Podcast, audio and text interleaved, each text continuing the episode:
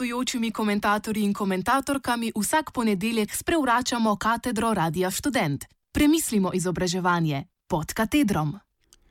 Nezanosno sankcioniranje.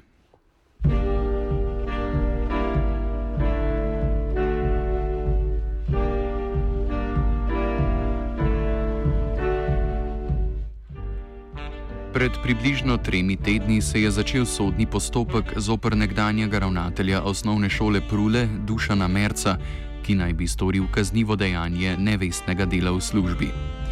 Merc je namreč leta 2013 dvema učencama prepovedal vstop v šolo, potem ko je izvedel, da naj bi spolno napadla dve sošolki. Z izrekom takšnega ukrepa naj bi posegel v pravico učencev do obiskovanja pouka, ki se je sicer ne sme omejevati z vzgojnimi ukrepi. Prejšnji teden je tožilstvo obtožen, obtožni predlog že omaknilo, saj je na podlagi Merčevega zagovora ugotovilo, da z njegovim postopanjem ni nastala hujša kršitev pravic učencev, kar je eden izmed pogojev, da se osebo lahko obsodi za kaznivo dejanje nevestnega dela v službi.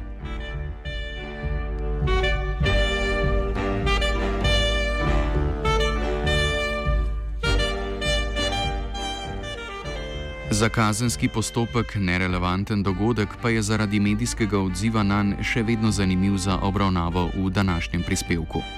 Večina medijev je namreč vsaj do umika obtožnega predloga precej odločno zauzela stališče, da je narobe, da se Mercu očita kršitev zakonodaje, s katero je zaščitil žrtvi spolnega nasilja.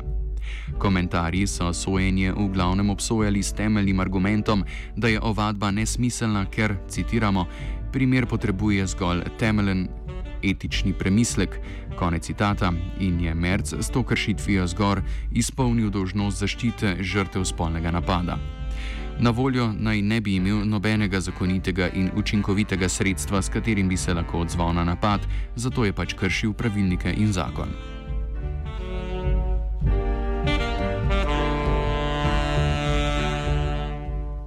Na drugi strani so, potem ko je bil obtožni predlog že omaknjen, uspeli misli formirati še zagovorniki inšpektorata.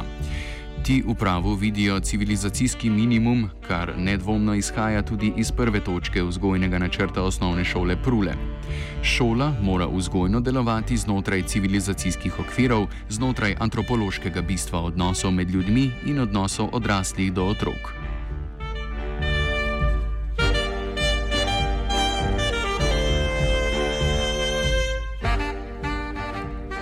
Čeprav šola morda ni odraz samega civilizacijskega bistva, pa na svojo šolsko civilizacijo vseeno deluje vzgojno s celoto svojih ravnanj. Elementi delovanja vzgojne institucije pač imajo vzgojne učinke, tudi če niso neposredno povezani z vzgojo: izbor kadra, odnosi med strokovnimi delavci in učenci ali dijaki, načini komuniciranja in sporočanja novic, sprememb, banalnosti in pomembnih dogodkov. Vse, kar se dogaja v šoli, je del vzgojnega sporočanja, avtomatsko se postavlja za vzor, dejanja se legitimizirajo v trenutku, ko so izvedena in niso obsojena. S tem v mislih lahko ugotavljamo, kako to na splošneje dojemanje storilcev vpliva izločitev sošolcev.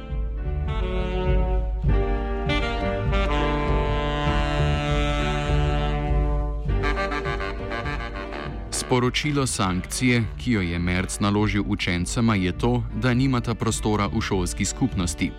S tem ni narobe samo to, da je otrok izločen iz pomembnih socializacijskih skupin, ampak tudi to, da sankcija prikaže prekrškarje kot celostno slabe, torej popolnoma neprimerne za šolski prostor.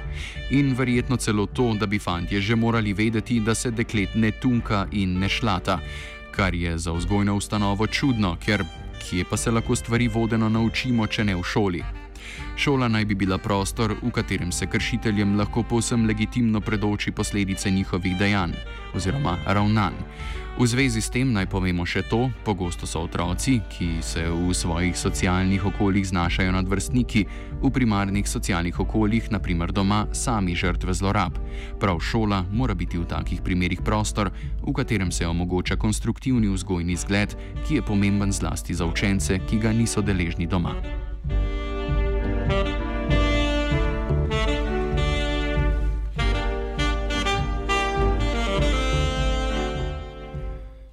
Prepovedjo vstopa v šolo je ravnatelj pravzaprav olajšal življenje šoli, ker se je izognila dolgotrajnim, zahtevnim, energijsko potratnim in morebiti neučinkovitim pedagoškim postopkom obravnave prekrška. S preprostim umikom učencev iz šole je tudi poskrbel, da se učencema ni bilo treba soočati s svojimi dejanji. Od njiju ni terjal nobenega premisleka, opravičila, soočenja z oškodovanima dekletoma. Prekrškarja sta lahko ohranila svoj miselni okvir, oziroma je bilo nujni interpretaciji nezakonite sankcije prepuščeno, ali jo boste razumela kot poziv preopraševanju spolnega nasilja.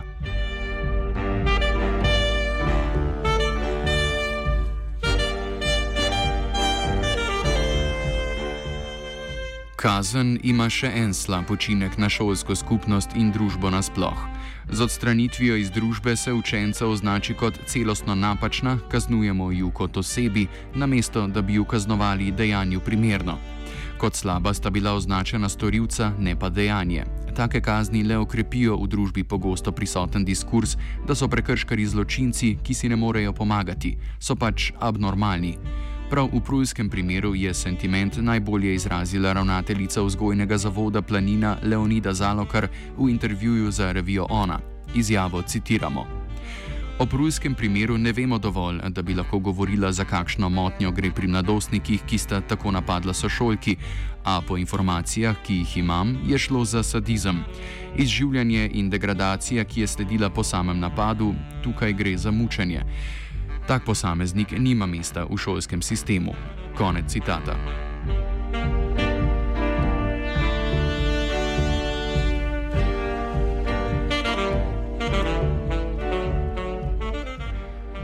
Podatki iz zapisnika inšpektorja za šolstvo, ki se je z incidentom ukvarjal, kažejo, da je bil postopek voden napačno, ne le po vzgojno-pedagoških kriterijih, pač pa postopek tudi ni bil izveden po predpisih in pravilih. To ni bilo koristno ne za oškodovanki, ne za učenca. Šola bi namreč morala v postopek vključiti svetovalno službe, službo, širše pa tudi razrednika, starše in ostale učence. Tako bi nudila pomoč tako žrtvi kot storilcu, kar je tudi eno izmed načel obravnave mladoletnih delikventov oziroma medvrstniškega nasilja.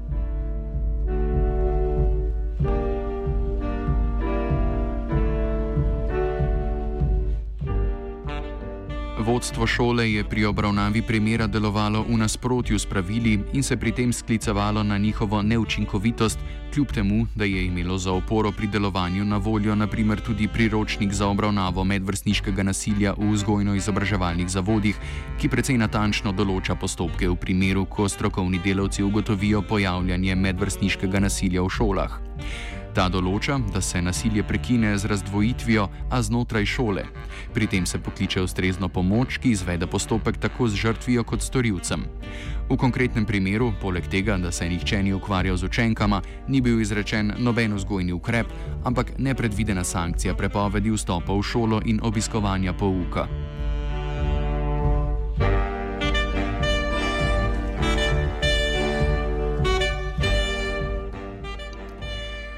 Levo medijsko naklonjenost Mercu lahko poskusimo iskati tudi v povezavi z gibanjem MeToo. Kampanja v svojem pretežnem delu skuša pokazati, da se spolno nasilje pojavlja v vsakodnevnem življenju žensk, množičnost uporabe hashtaga pa pri tem podkrepi vsako posamično trditev.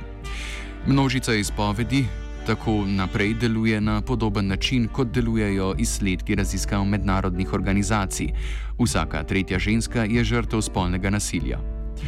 A gibanje temu dodaja še nov vidik javnega imenovanja storilca. V okviru kampanje postane nesmiselno ustrajanje pri zahtevi po dokazanosti posamičnega dejanja, preden se javno izpostavi ne več domnevnega storilca. Javno se ga imenuje ravno zato, ker do nasilja nad ženskami očitno prihaja tako pogosto, da bi bilo neupravičeno, če ne bi verjeli ženski, ki zatrjuje, da je bila žrtev nasilja.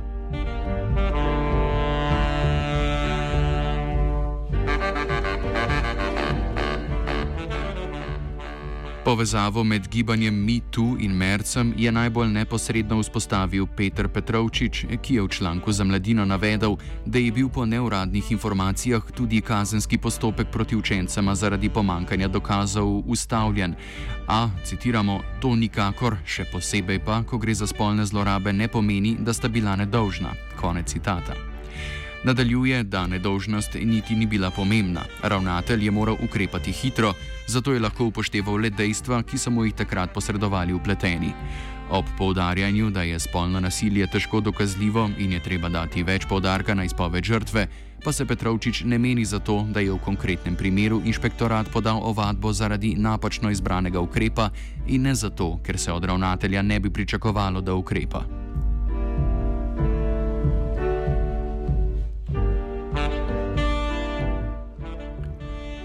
Na podoben način je tudi Tanja Lesničar Pučko v dnevnikovi kolumni v prazno navrgla, da so časi, ko je bilo spolno nasilje sprejemljivo ali zamovčano, že minili.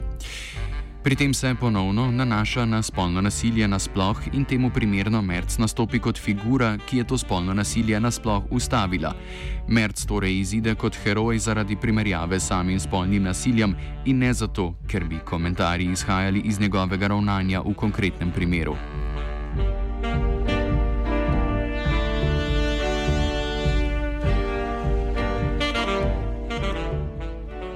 V okoliščinah, znotraj katerih se niti odziv pristojnih, niti naknadni odziv medijev nista zmožna ukvarjati s konkretnim dogodkom, so šolski pravilniki vseeno predstavljali neko omejitev pri sankcioniranju učencev. V nasprotju z nosom, ki spremlja gibanje MeToo in ki se ob vsakem primeru spolne zlorabe osredotoči na storilca izključno z vidika žrtve, bi upoštevanje pravil preprečilo prav to enostransko obravnavo storilca. Znotraj trenutnega sentimenta do spolnih zlorab bi omogočilo ukrepanje in hkrati preprečilo ravnanje v zanosu, v katerem se v katerem se je učencema izrekel ukrep, ki jo je popolnoma izločil iz šole in je bil odgovor na samo spolno nasilje, ne pa na njuno dejanje.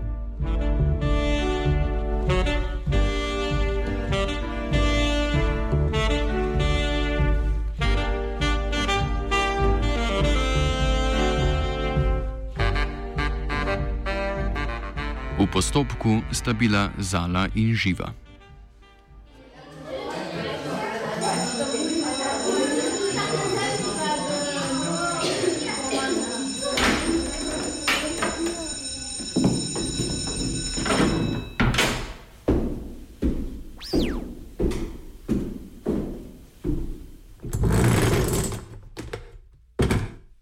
Gostujočimi komentatorji in komentatorkami vsak ponedeljek sprevračamo katedro Radia Student. Premislimo izobraževanje pod katedrom.